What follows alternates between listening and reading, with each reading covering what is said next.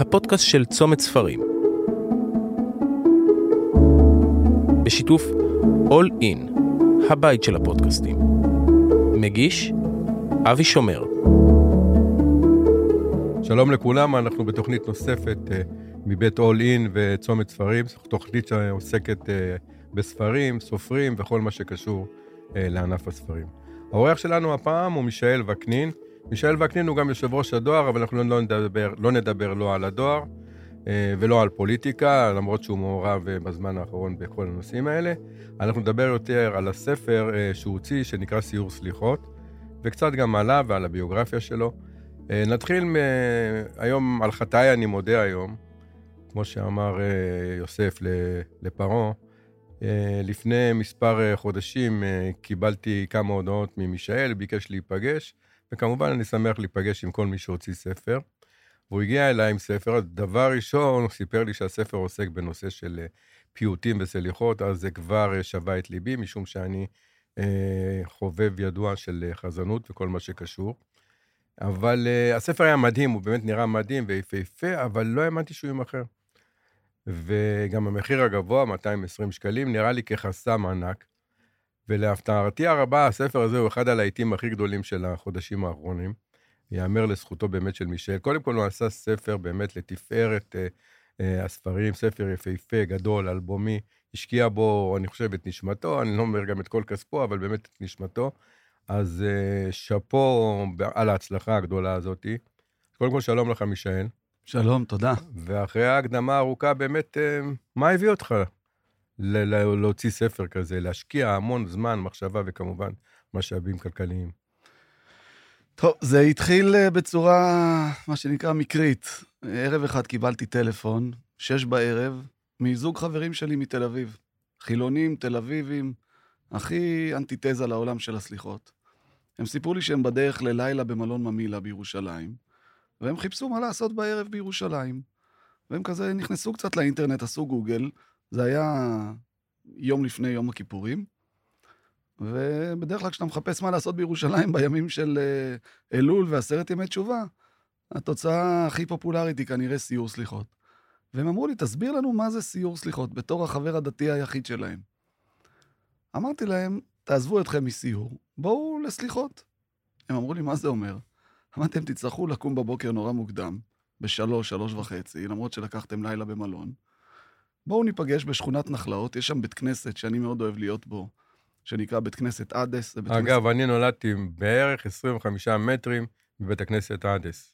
איזה יופי. כן, ברחוב אז הוא נקרא בית אל, היום הוא נקרא באר שבע, מספר חמש. אתה נולדת בבאר שבע חמש, אני נולדתי בבאר שבע חמש, אבא שלי אגב נולד גם שמה, וסבא שלי שעלה מסוריה, מחלב, היה הבעלים של הבניין שעדיין שייך לנו. וואו. אז uh, בית כנסת אדס הוא בית כנסת של יוצאי חלב, הוא הוקם ב-1901. הרם צובע, כמו שאומרים. כן, הרם צובע, ויש בו uh, ציור קיר נפלא של אחד מאמני בצלאל, מהמייסדים של בצלאל, ובגלל שהחברים האלה, ענת ויורם, הם גם אוהבי תרבות, אמרתי, זה יכול... הוקם, דרך אגב, על ידי אונסקו כאתר מורשת, בית הכנסת. כן, הוא לא מזמן עבר שחזור מאוד יפה. כן, אני אספר רק באנקדוטה קטנה, שבאחד השיפוצים, החכמולוגים צבעו את התקרה עם הציור של, של האומן. אז התקרה, לא רואים את הציור בתקרה, אבל בצדדים רואים. אגב, יש שם עוד סיפור, אפרופו בציורים. הציור בקירות הוא בעצם הציור, הסמלים של 12 שבטי ישראל. ואחד הסמלים של שבט דן הוא הנחש. ויום אחד מישהו מהמתפללים החליט לצבוע את הנחש הזה, בגלל האמונה הקבלית שאומרת שאישה שנמצאת בהיריון ורואה נחש עלולה להפיל את הוולד. אז עכשיו בשחזור הנחש חזר למקומו. בקיצור, אמרתי להם, תבואו, ניפגש ב-4 בבוקר, תחכו לי ברחוב באר שבע 1 בנחלאות, בבית כנסת אדס, ותראו מה זה סליחות, תצטרפו אליי לסליחות. הם אמרו, בסדר. השיחה הסתיימה, אמרתי לעצמי, הסתבכת. איך אתה לוקח אנשים חילונים, תל אביבים, לתוך ההארדקור הזה של החלבים, עם המנהגים והמנגינות העתיקות, והקוף והעין והחטא. סדיק. בדיוק. ואז פשוט פתחתי את המחשב והתחלתי לכתוב.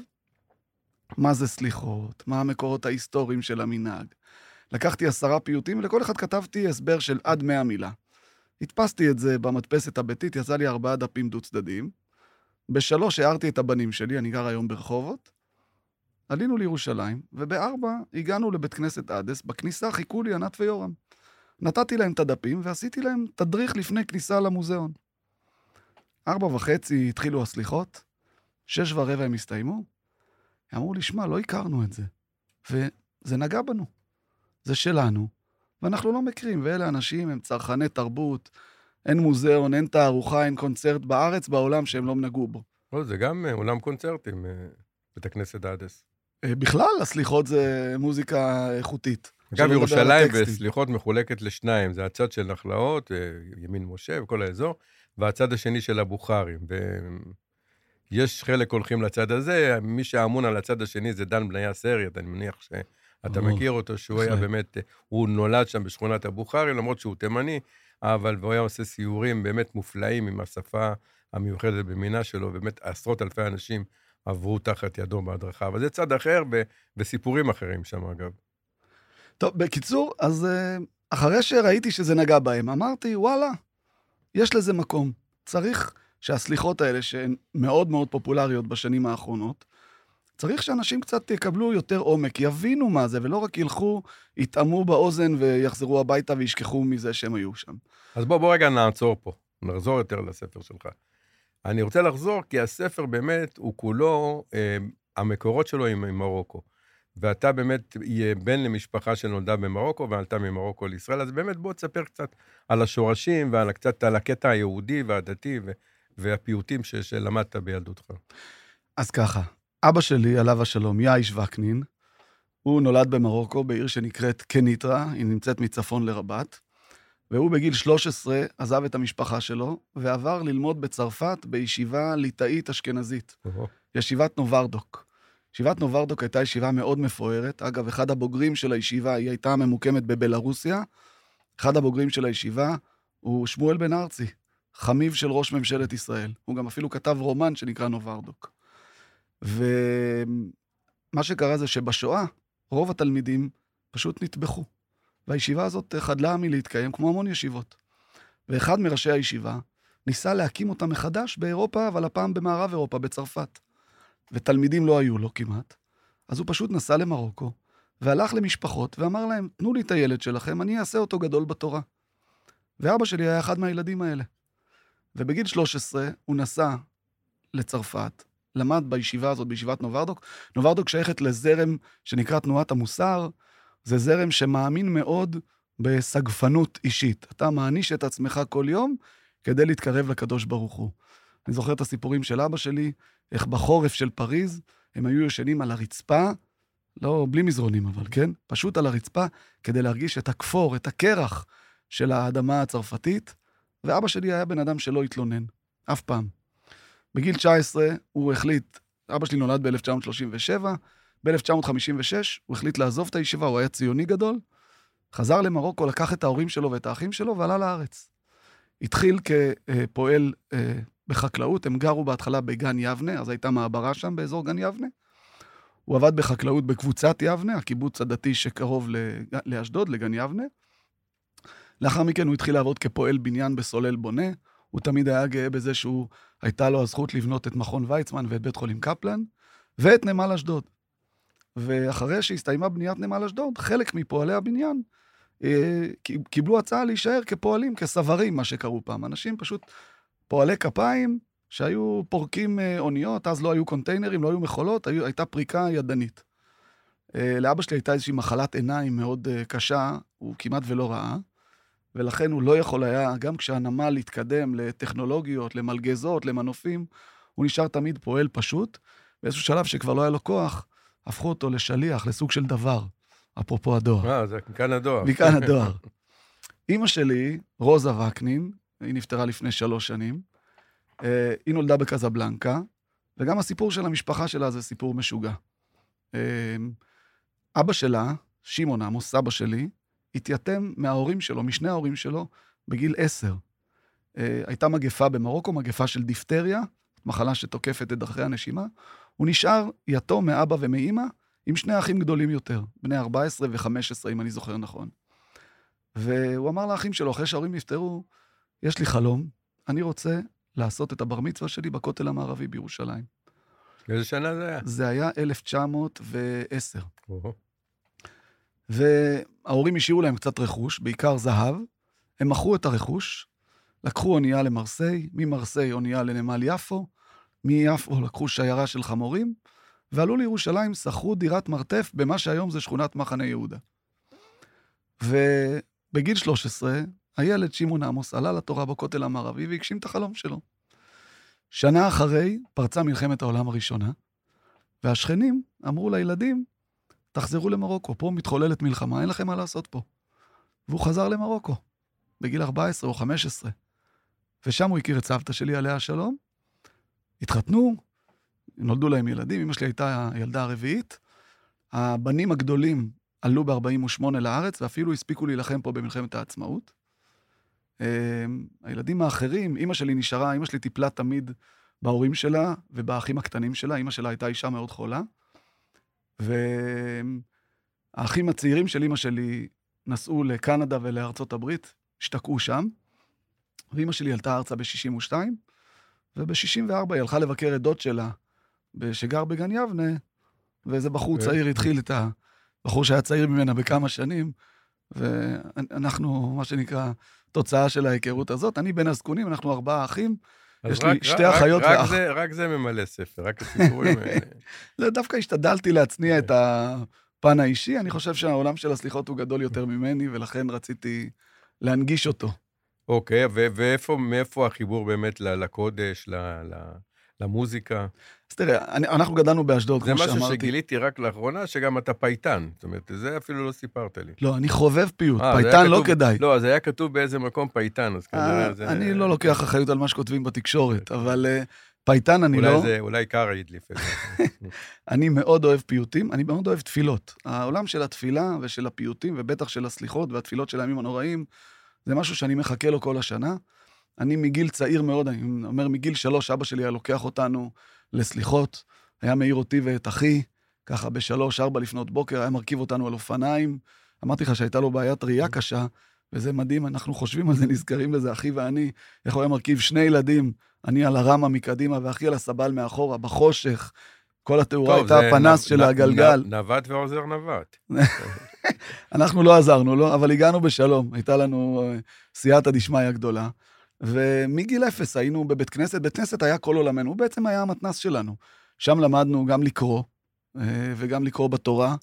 אנחנו התפללנו בתור ילדים בבית הכנסת שאולי, של הרב שאולי, אגב, שיש בית כנסת שאולי גם בנחלאות. הרב שאולי גדל בירושלים.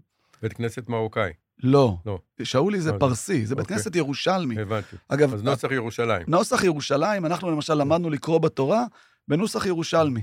ובבית הכנסת שאולי, שהיה בית כנסת מאוד מרכזי ומאוד משמעותי באשדוד, היו מגיעים פעם בחודש פייטנים מירושלים, כדי להכיר לנו יותר לעומק את עולם התפילה. היה שם פייטן צעיר בשם הרב חיים לוק, היה שם פייטן צעיר ירושלמי בשם יגאל בן חיים, יגאל יוסף בן חיים דואק. היה החזן, הוא ודואק היו החזנים בבר, בבר המצווה של הבן שלי. כן. שי סימנטוב, משה מזרחי, כל השמות האלה, אה, וגם הרב עובדיה יוסף, אני זוכר אותו בתור רב ראשי, הייתי ממש ילד קטן, הוא הוגדר כנשיא בית הכנסת שאולי והיה מגיע אלינו. ומשם ספגתי את האהבה הזאת לתפילות. אה, כשגדלתי, עברנו דירה ועברנו לבית כנסת אה, אחר, ושם היה חזן בשם דוד בן מנחם. דוד הוא נחשב למוהל הכי עסוק במדינת ישראל. אין, אה, תעבור ליד עשרה בנים, בטח לחצי מהם הוא, מה שנקרא, מכיר אותם מקרוב. והוא היה חזן, ועדיין חזן, אני יכול להגיד לך שאתמול למשל נסעתי, אני כבר לא גר באשדוד, אבל אתמול נסעתי עם הבן שלי לאשדוד ליום כיפור, אה, ועשינו את יום כיפור בבית הכנסת של דוד בן מנחם, ושם למדתי לאהוב את התפילה. התפילות המדויקות שלו, הניגונים המדויקים שלו, ההתאמה המדויקת וההנהגה, יכולת ההנהגה שלו את התפילה, זה דבר שהתחברתי אליו. יפה. ומשם הקטע שלך סליחות. אני יכול להגיד לך שאני, יש לי רשימה ב- ביוטיוב, יש לי, אחד הרשימות שלי זה סליחות. אז חודש לפני ראש השנה אני מתחיל לשמוע, ו... ואז ראש שנה וכיפור, אבל יום אחרי כיפור אני כבר לא יכול לשמוע יותר. זה כאילו, זה כמו לאכול אבטיח בקיץ, כאילו, יש לי איזה blackout אחרי זה, כאילו fade out, שמעתי יותר מדי. אתמול גם, זאת אומרת, הייתי, 25 שעות בבית הכנסת, ואת כל ה-36 פעמים ויעבור וכולי, אז אה, אני אומר, מספיק, לא? מספיק, ניפגש באלול הבא, כן, אתה אומר. כן, באלול, משהו כזה, כן. למרות שבאמת אני מכיר את כל הפייטנים, והרשימה שלי מגוונת אה, מכל העדות. אגב, אני גם חובב מוזיקה, אה, חזנות אשכנזית, שאני חושב שהיא, אם משהו יכול לגרום לי לדמוע, זה לשמוע איזה קטע נתני תוקף, למשל, בנוסח אשכנז, כי הספרדים אין להם את הנתני תוקף. אה, לא גנבנו את. זה, אנחנו קוראים את זה, אבל זה לא, לא שלנו. קודם כל, יש אותו בחלק מהעדות. הירושלמים, כמוך, לא אומרים מונתנה לא, תוקף. אנחנו בבית כנסת שלנו, עכשיו אני גר בתל אביב, בבית כנסת שלנו אומרים את זה. אומרים את זה יותר מדי פעמים, גם ביום כיפור, גם בראש שנה פעמיים, אבל בסדר. אז זה- אה, זה- תדע שבצפון אפריקה תמיד אמרו נתן לתוקף, ואפילו יש פה בספר אה, צילום לא של כתב יד, של דפוס, של הסיפור, אגב, לא מדויק, על אונתנה תוקף, שמיוחס בטעות לרבי אוקיי. אמנון ממגנצה, אה, ומתברר על פי המחקר שזה פיוט הרבה יותר קדום, אבל יש פה כתב, יש פה הדפסה מתוך סידור תפילה מתוניס, שמספר את הסיפור לרבי אמנון ממגנצה מ-1800 ומשהו, ככה זה שהסיפור... מהאנוסים שברחו לצפון אפריקה. כן, תראה, היה- זה איתם. היה יותר זה, קל כן, להגיע כן. מאירופה, כן, מאשכנז, ספרד, נכון. אחר כך לצפון אפריקה, בעיקר כן. למרוקו, לאלג'יריה ולטוניס. לסוריה לא הגיעו. נכון. דרך אגב, אצל החלבים, אני לא יודע אם אתה יודע, בסידור יש הרבה מקומות שכתוב, יש נוהגים לא לקרוא. החלבים אצלהם. המסורת זה לא קוראים איפה שכתוב יש נוהגים לא לקרוא, קוראים רק מה שחייבים לקרוא.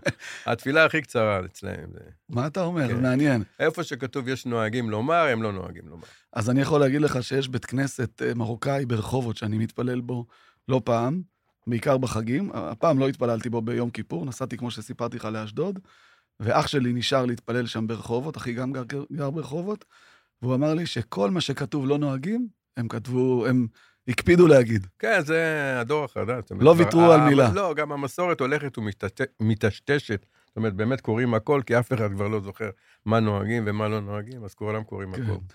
כן, אז אה, כל המוסיף מוסיפים לו, למרות שאני חושב שכל המוסיף גורע. כן, אתמול סיימו אצלנו תפילת מוסר בשעה שתיים וחמש דקות, אז זה קצת אפילו כבר הפך לטורח ציבור, משבע עד שתיים. זה, וואו. זה לא רק לקרוא את הכל, זה לקרוא את הכל פעמיים גם. כן. אז אנחנו סיימנו באחת וחמישה, והייתה לנו הפסקה מכובדת כמעט שלוש שעות. אבל כולנו סיימנו באותה שעה, זה לא משנה. נכון, זה לא באמת משנה. בסוף כן, כולם גם מסיימים נשארנו שבע בבית הכנסת בהפסקה. נכון. כן. יפה, אז פה באמת, אז הגעת, אז הגענו באמת לשלב של. זה, ו- ולקחת את כל הדברים, ו- וספר, ובאמת, אה, איך עשית מפעל כזה? אני אומר מפעל כי אנשים לא מבינים, אני מכיר את עולם הספרים באמת מלפני ולפנים. אגב, פעם היו משקיעים המון כסף, מוציאים עם אלבומים, גם בינלאומיים, היום גם בינלאומיים, אם זה לא רפרודוקציה, אם זה לא השקעה של כמה גופים, אנשים לא מוציאים, כי זו השקעה עצומה, ואין בה החזר. אז אה, גם בישראל כמעט שלא הוציאו בעשר שנים האחרונות אלבומים. לא מוציאים אלבומים, זה מאוד מאוד יקר. וגם אפילו מי שמוציא ספרי בישול, מוציא את זה בהשקעה מינימלית, עם צילום בבית, עם הכלים של הבית, לא מה שהיה פעם אז. ואתה לקחת את זה ממש לאקסטרים, הוצאת ספר הכי יפה עם מטבעות, אה, זהב, באמת, אה, עם השקעה עצומה. עם שני אלבומי מוזיקה, שזה אלבומי בעצם העלות הכי משמעותית. אמת, אמת. אה, עם פייטנים, ו... אז בוא, בוא, באמת, תן לנו, בוא, בוא נלך בסיור של הוצאת הספר.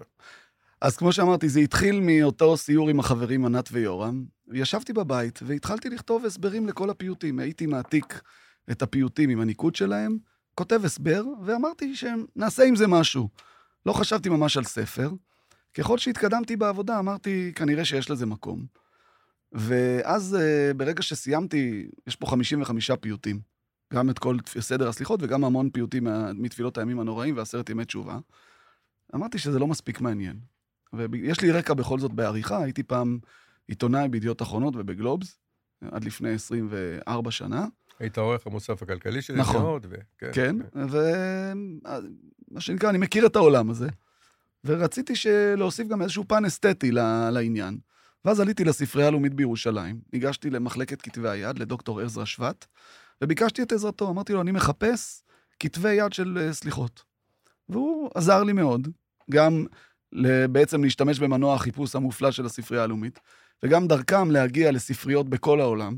הגעתי כמובן לגניזה הקהירית בלונדון, לספריות בארצות הברית, באיטליה, בגרמניה, בצרפת, אפילו למנזר בסנט גלן בשוויץ, וחיפשתי כמה שיותר כתבי יד. הייתה לי מטרה, אמרתי, אם אני כבר מתכנן עכשיו והתחלתי לחשוב על ספר, אז שלכל פיוט בעצם יהיה גם את הכתב יד העתיק שלו. מצאת ספר בסדר גודל כזה?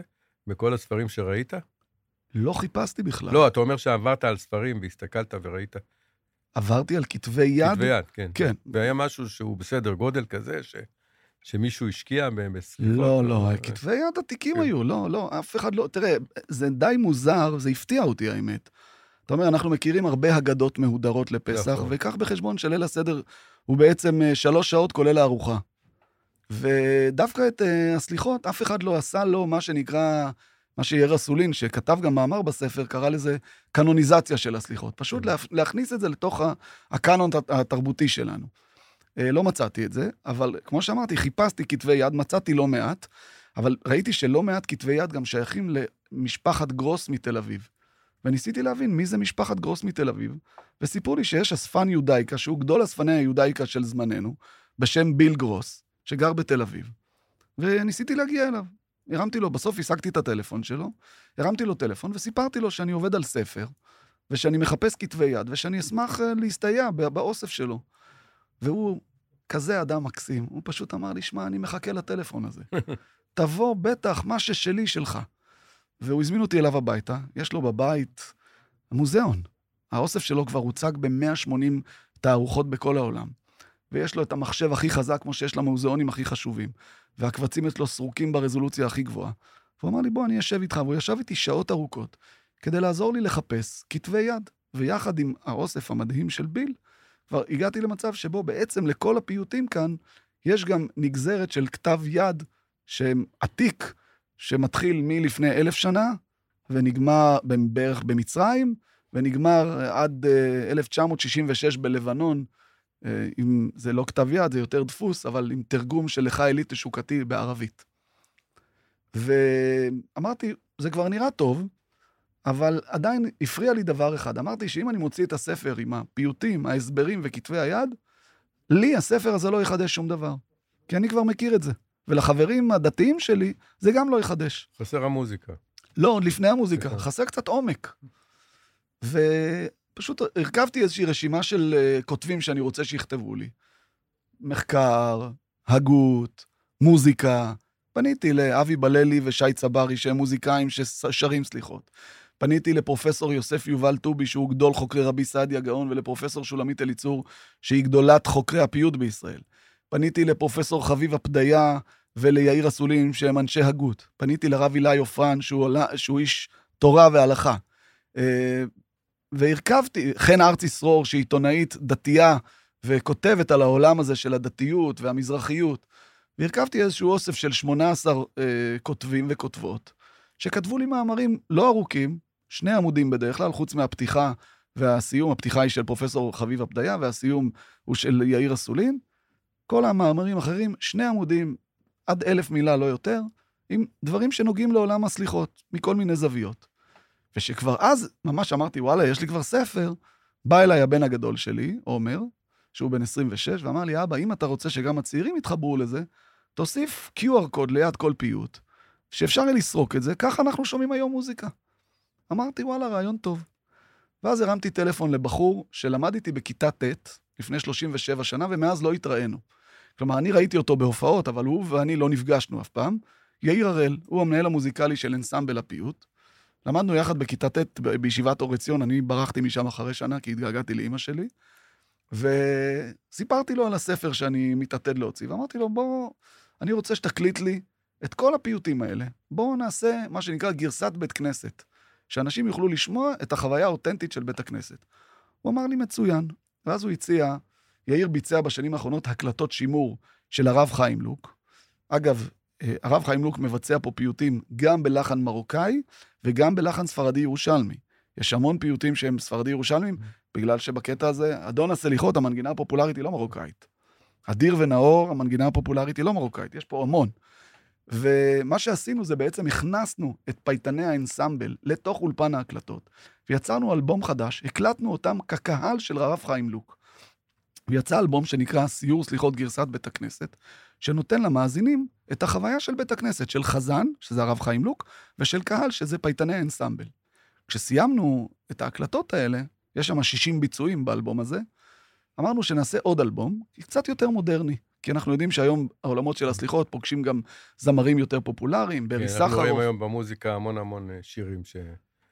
שמבוססים באמת על סליחות. ואז הקלטנו עוד תשעה פיוטים, את פייטני האנסמבל, שבהם אה, הם מארחים גם את הרב חיים לוק, גם את שי צברי וגם את נטע אלקיים, ולזה קראנו סיור סליחות הגרסה העכשווית, ובעצם במקביל לספר יצאו שני אלבומי מוזיקה, שאפשר להוריד אותם מ... ביוטיוב, בספוטיפיי ובאפל מיוזיק. ואת כל ה-QR שלהם נמצא בספר. כל QR נמצא ליד כל פיוט, אתה פשוט סורק ושומע. יפה. אז בסדר, אז יש לך פה אה, אה, את הבסיס למוצר, אבל איך עושים מוצר כזה? תשמע, כנראה שאני בכל זאת מכיר את המלאכה הזאת של עריכה. לא, מה- אתה לא מכיר, אם היית מכיר לא היית משתגע. אה, אה, אתה אומר ברמה הכלכלית? לא, לא, כסף אפילו, לא לא. כסף. אתה רואה, אני- אני רואה באמת מוצר מושלם. אני מפרגן אה, יותר מדי חושבים, אני לא שותף בספר, בואו נאמר את זה. אבל אה, זה מוצר מדהים, ומוצר שצריך המון המון אומץ להוציא אותו. אז תראה, קודם כל, אני, אני בא מעולם ההשקעות, ומה שנקרא, לפעמים לוקח סיכונים. לא הסתכלתי על זה בכלל כסיכון. אני אומר לך, הסתכלתי על זה כמו שכשההורים שלי, כל אחד מהם נפטר והכנסנו ספר תורה לעילוי נשמתו, אני הרגשתי שאני מכניס, זה לא ספר תורה, זה כמה וכמה ספרי תורה. ככה הסתכלתי על זה. חשבתי שזה מפעל שחשוב שהוא יהיה, לייצר קנוניזציה של עולם הסליחות, להנגיש אותו לציבור הרחב, והכסף לא חשוב בעיניי. עכשיו, כדי שזה יצא טוב ומושלם ומדויק, אז הבאתי לזה גם חלק מהיכולות ש... שלי, כנראה, בעולם העריכה וה... וההבנה האסתטית, נקרא לזה, ומצד שני גם השקעתי בזה את המשאבים. אם ביותר הגהות, אם, ב... אם ב... כמובן בהדפסה באיכות הכי גבוהה, בעיצוב גרפי מאוד מושקע, נייר. אה, בנייר הכי, הכי טוב והכי יקר. כן, ווואלה, אני לא מתחרט, זה... היה כן, שווה, כן, גם זה- אם זה לא שווה כלכלית, זה חוכמת שווה. הדי- בדיעבד. אתה לא, יודע, אבל מלכתחילה לא שבדיע- בדיעבד התחרטתי. רואים 6-6. לא, כן, מ- כן. אבל אני אומר, מלכתחילה, היה לי, לא יצאתי מנקודת הנחה שאני, שזה יהפוך להיות כזה שלאגר. אני יצאתי מנקודת הנחה שככה זה צריך להיות הכי טוב. טוב, בוא שלאגר, בוא רגע, בוא נלך לתיאור- לתיאוריית הקונספירציה. יש מצב שביקשת מקארי ואמסלם שיפטרו אותך כדי שתקבל המון המון המון, המון המון המון המון דקות מסך, ואז בכל מקום רואים את הספר ופתאום כולם הכירו אותו. יש מצב, לא? אה, אתה לא הראשון ששאל אותי את השאלה הזאת. אתה יודע, האמריקאים אומרים לפעמים מקבלים פרסום חינם שהוא שווה, סופרים את זה בכסף. הם אומרים, לפעמים זה שווה מאות מיליוני דולרים, קיבלו את זה בחינם. כשמי שהיה אמון על זה זה סודה סטרים, היו תמיד מגישים איזה תשדיר לסופרבול שיפסלו להם אותו, היו פוסלים אה, להם והיו אותו, מייצרים ואז רעש סביב זה. מקבלים, כן, היו מקבלים המון המון פרסום בחינם, והם לא היו משלמים שקל על התשדיר, וכולם רואים אותו ביוטיוב. אז, אה, אז התשובה לשאלה שלך היא כמובן לא. אה, אבל אה, אתה יודע, אני מאמין גדול בזה שיש מישהו למעלה שמסתכל ומכוון את הדברים, אז יכול להיות שהוא החליט... אה, אני מאמין שלריבונו של עולם יש גם חוש הומור מצוין. כן. אז כנראה שזה קשור לא, לזה. וזה לא, זה לא הפריע, לפחות בקטע של הספר. אמרנו לך, לא נדבר על פוליטיקה, לא נדבר על, על, אה, על הדואר אפשר, לא על פוליטיקה. בוא רגע תאמר לי, אבל זהו, הספר יצא לדרך, בטח כאבי בטן, מכיר את כל הסופרים, לא ישנים בלילה לפני. ו, ומההתחלה כבר ראית פירות, נכון? היה לך גם הזמנות מוסדיות, היה לך... כן, האמת שהלכתי ופניתי לכל מיני גופים גדולים, אה, שאני מכיר אותם, והצגתי להם את, ה, את הספר. והאמת שלא הופתעתי, אבל אה, זה בכל זאת היה משמח לראות את זה, שאנשים נורא נורא התחברו. וראית שם כל מיני אנשים, ראית אנשים שהם דתיים, וראית אנשים שהם חילונים, ראית אנשים שהם ספרדים, וזה הזכיר להם את בית אבא, וראית חילונים שזה בכלל לא מדבר אליהם. אבל בכל זאת משהו ב- בספר, ב- במוצר השלם של האסתטיקה, כתבי היד, המוזיקה, הכל ביחד, העולם הזה של הסליחות, אמרו, ככה אני רוצה. והמון המון חברות הזמינו את זה כמתנה ללקוחות שלהם, לעובדים שלהם. האמת שמתנה מדהימה, הייתי שמח לקבל מתנה כזאת. אה, אני חושב שנתתי לך מתנה בכ- לא, כזאת. לא, לא, אני סירבתי, אני לא מקבל מתנות. אבל אה, אני רק אומר שלצערי, בעת האחרונה, הנוהג הזה של לתת מתנות ספרים הולך ופוחד, וחבל, באמת חבל. אני גם, אני מהצד השני יודע שההתנגדות לקבל ספרים היא מאוד מאוד נמוכה. זאת אומרת, אנשים גם היום שמחים לקבל ספרים, אבל משום מה, אלה שפעם היו נותנים אה, ספרים, הם מעדיפים לתת... אה, בקבוק יין או תו שי או משהו כזה. ושמן כן, זית. כן, וכו'. אפילו משרד החוץ בזמנו, בקריסמס, היה דואג לתת אלבומים של, אה, של ספרים לכל הנציגויות בעולם. היום נותנים להם לבחור בין שוקולד ליין. זה מעניין, אני רוצה להקריא לך משהו, אגב, אפרופו זה. קודם כל, אני חושב שזה גם תלוי בערך הנתפס. הספר הזה משדר משהו שהוא לא באמת, סתם באמת. ספר, אה, ואני לא מזלזל חלילה באף ספר, אבל הוא משדר משהו מאוד מאוד יקר ויוקרתי, יש לו כמה אלמנטים, הוא גם יקר, אסתטיים. המחיר שלו מאוד כן, יקר. לא רק המחיר, אבל הנייר, העיצוב, כתבי היד, המוזיקה שנלווית אליו. אבל אני רוצה להקריא לך אה, משהו שאולי הדבר שהכי ריגש אותי בכל העבודה הזאת על הספר. אה, אחד הראיונות הראשונים, אולי הראשון בעצם על הספר, היה עם רינו צרור בגלי צה"ל, ומיד אחרי כן התחילו רכישות אה, של הספר באתר, וקיבלתי אה, הודעת וואטסאפ, ואני רוצה להקריא לך אותה. אה, ממישהי שכמובן לא הכרתי. שלום מישאל, זאת שושי כהן. לפני זמן קצר רכשתי את הספר סיור סליחות. התוודעתי לספר בעקבות ראיון בתוכנית של רינו צרור. התרשמתי מאוד מהרעיון ומהתוכן וההשקעה בכל פרט ופרט. מרגש להקשיב לניגונים המרגשים. אני מחוברת מאוד לניגוני הסליחות עוד מהיותי ילדה מבית אבא. גדלנו בשיכון ד' בטבריה, וזה היה חלק משמעותי בחיינו. והחיבור לסליחות התעצם עם נפילת בנינו בבסיס כיסופים אחרי מבצע צוק איתן. סמל, סמל ראשון מתן כהן, סמל מחלקה בחטיבת גבעתי, בעיצומו של חג ראש השנה לפני תשע שנים. מאז האירוע אנחנו מארגנים בחצר הבית בערב ראש השנה מעמד סליחות לזכרו, שמחבר את כל הצעירים לניגונים המרגשים. בכל שנה אנחנו מתחילים את האזכרה של מתן בערב סליחות מרגש ומחזק. באמת הודעה מרגשת. ואני יצרתי קשר עם שושי, והיא הזמינה אותי לאזכרה של מתן, שהייתה בהר הרצל, אה, יום למחרת אה, ראש השנה, ועליתי לשם עם הבן שלי. אגב, את הספר שלי הקדשתי גם להוריי עליהם השלום, וגם לחברי הטוב יוסי אוחנה. יוסי היה חברי מכיתה א', הוא היה מ"פ מסייעת 51 בגולני, והוא נהרג אה, בליל הושענא רבה לפני 28 שנה. ואת בני הבכור, עומר, קראנו לו עומר יוסף על שם יוסי. וכמובן שהדבר הזה, אפרופו, דיברנו גם על סליחות ועל תפילות, אם יש תפילת סליחות שככה נוגעת בי ונותנת לי בעיטה חזקה בבטן כל שנה, זה כמובן עוקד והנעקד והמזבח. כשהחזן מגיע לבית של שיחו לאמי כי ששונה פנה, הבן אשר ילדה לתשעים שנה, היה לאש ולמאכלת מנה, אנא אבקש לה מנחם אנא, צר לי לאם תבכה ותתייפח. אני מתפרק, אני נזכר ביוסי, ואני לא מצליח אה, לעצור את הדמעות. כן, האמת שזה אחד הפיוטים באמת, ש... שבאמת אהרון נעשה חידודים חידודים.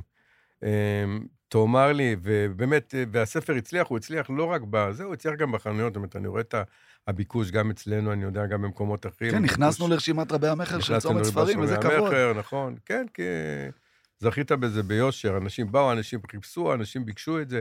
אמ, ואגב. אני, אני אומר שוב, את חטאי אני מזכיר היום, היינו סקפטיים, לא האמנו בספר יקר שאפשר למכור, שהוא גם נישתי, הוא, הוא, הוא לא מתאים לכל הציבור, הוא עוסק ב, אה, בקודש, ולא כולם מתעסקים בקודש, הוא גם מתאים רק לתקופה מסוימת, למרות שאני חושב שהוא באמת מתאים לכל השנה, לא רק לתקופה מסוימת. אבל זהו, היום אנחנו, קודם כל הספר הצליח והוא נמכר, ועברנו כבר את הימים הנוראים, אנחנו בדיוק יום אחרי כיפור. אז, אז מה הלאה? איך... אה, הספר הזה הוא בסייקל, הוא יכול אה, באמת אה, כל שנה לצאת מחדש, אבל אתה מתכוון באמת להפוך אותו לסיור אה, מוזיקלי כל השנה, ל... ל... לא ראיתי תרגום, אין פה תרגום באנגלית, אתה רוצה לתרגם אותו? יש דרישה בעולם? אז האמת שכבר פנו אליי אה, גם אה, מארצות הברית וגם מצרפת. אה, צרפת, יש שם קהל לדעתי יותר מתאים אפילו. אז מעניין. כן.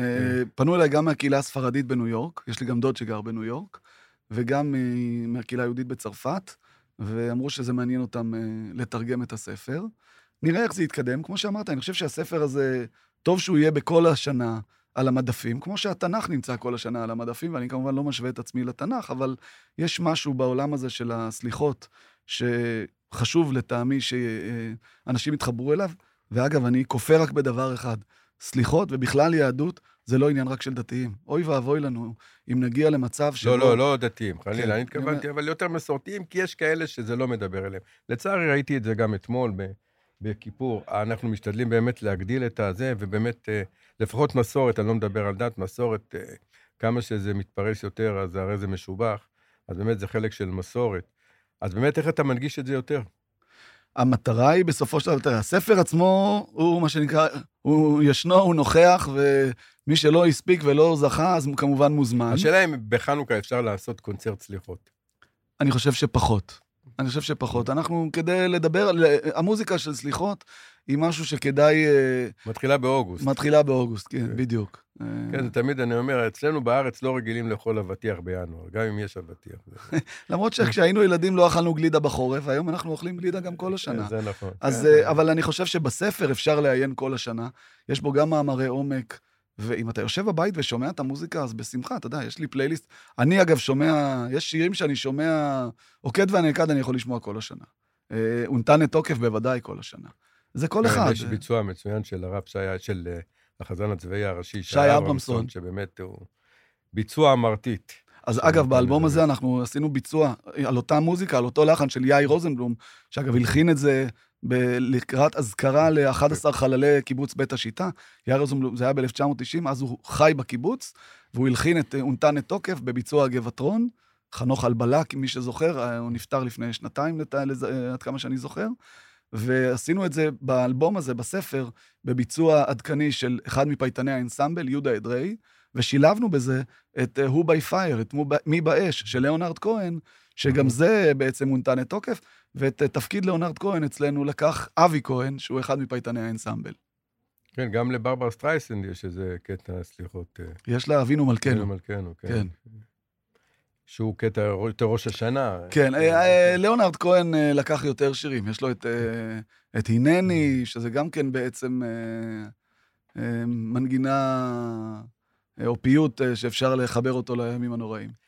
באת מעולם העסקים, אתה מרוב ימיך, אה, אני עברתי על, ה, על הביוגרפיה שלך, ורוב ימיך באמת עסקת בחברות גדולות, אה, ניהלת, ו, וגם בדואר היא חברה גדולה שאתה יושב ראש שלה. אה, אני יודע כמה המשכורות הממשלתיות, אז זה משהו כמו בהתנדבות, אני מניח שאתה עושה את זה. חצי בהתנדבות. נכון. וגם מקבלים סטירות שם, וגם זה, אבל בסדר, שליחי ציבור תמיד חוטפים, זה חלק מהמשחק. אבל באמת, אמ, המעבר הזה מחול לקודש, מקודש לחול, הוא עושה לך טוב? בהחלט, שמע, זה כנראה שהייתי צריך את זה. אה, זה, זה נתן לך מפלט, אני חושב, בחודשים הקשים האלה. האמת לא? שהעבודה, שיא העבודה על הספר הייתה בשנה האחרונה, שהייייתה שנה מטורפת מבחינת הדואר. הדואר, כשהגעתי... חילקת לשופטים בבית המשפט העליון את הספר? לא, חלילה, לא העזתי, אבל אני בטוח שהם ימצאו בזה עניין, אם הם אה, ייגעו ברור. בספר. אני הקפדתי מאוד, אגב, לא... גם כשפניתי לכל מיני גופים, לא פניתי לגופים שנמצאים במשא ומתן או במגעים עסקיים עם הדואר, כדי שאיש לא יטען שחלילה אה, ניצלתי את מעמדי. אפילו את החבילות, את המשלוחים של הספר לבתים, לא עשית עשיתי בדואר בחברה ישראל? חיצונית, כדי שלא יגידו שבדואר העדיפו את אה, הספר שלי על פני החבילה של משפחת שומר. כן. אבל, ובאמת המעבר בחודש, זה, זה טוב, טוב להיות בכמה עולמות בעת ובעונה אחת, אני בטוח. יש לך בראש פרויקטים נוספים כאלה? זאת אומרת, זה נתן לך חשק לעוד, טעם לעוד? אה, אני עדיין נהנה מה... מהעדים של הדלק בדבר הזה. בוא, הייתה לי פה שנה מאוד מאוד אה, מאתגרת. כמעט ולא ישנתי. עשיתי את זה בלילות בין אחת לחמש, קבוע, שישה לילות בשבוע. בין אחת בלילה לחמש. ובחמש ישבת על הטיעונים. לא, בחמש פשוט הלכתי להתקלח ויצאתי להתפלל במניין ראשון, כמו שאני עושה כל השנים. אמ, אבל, אה, ובו הגעתי למשרד ועבדתי, וברוך השם, יש בדואר מנכ"ל מצוין, דוד לרון, שלקח את החברה הזאת והביא אותה ממצב של פשיטת רגל, קיבל ספר? בוודאי, עם הקדשה אישית. אה, אגב, הוא רצה לקנות את הספר לחברי הנהלת הדואר, סירבת, וסירבתי. בצדק, אמרתי לו כן. שאני לא מוכן. שלא מישהו יגיד חלילה ש... אני יכול לספר לך שפעם אחד הגופים הגדולים במדינה, באמת אחד הגופים הגדולים במדינה, אם לא הגדול של בהם, אחד מבעלי המניות כתב ספר. עכשיו, הוא לא, לא רצו שיגידו זה, אז בא אליי יושב ראש ואומר, תשמע, אנחנו רוצים לקנות את זה לכל העובדים, אבל לא, פוחדים ממה יגידו, מה עושים?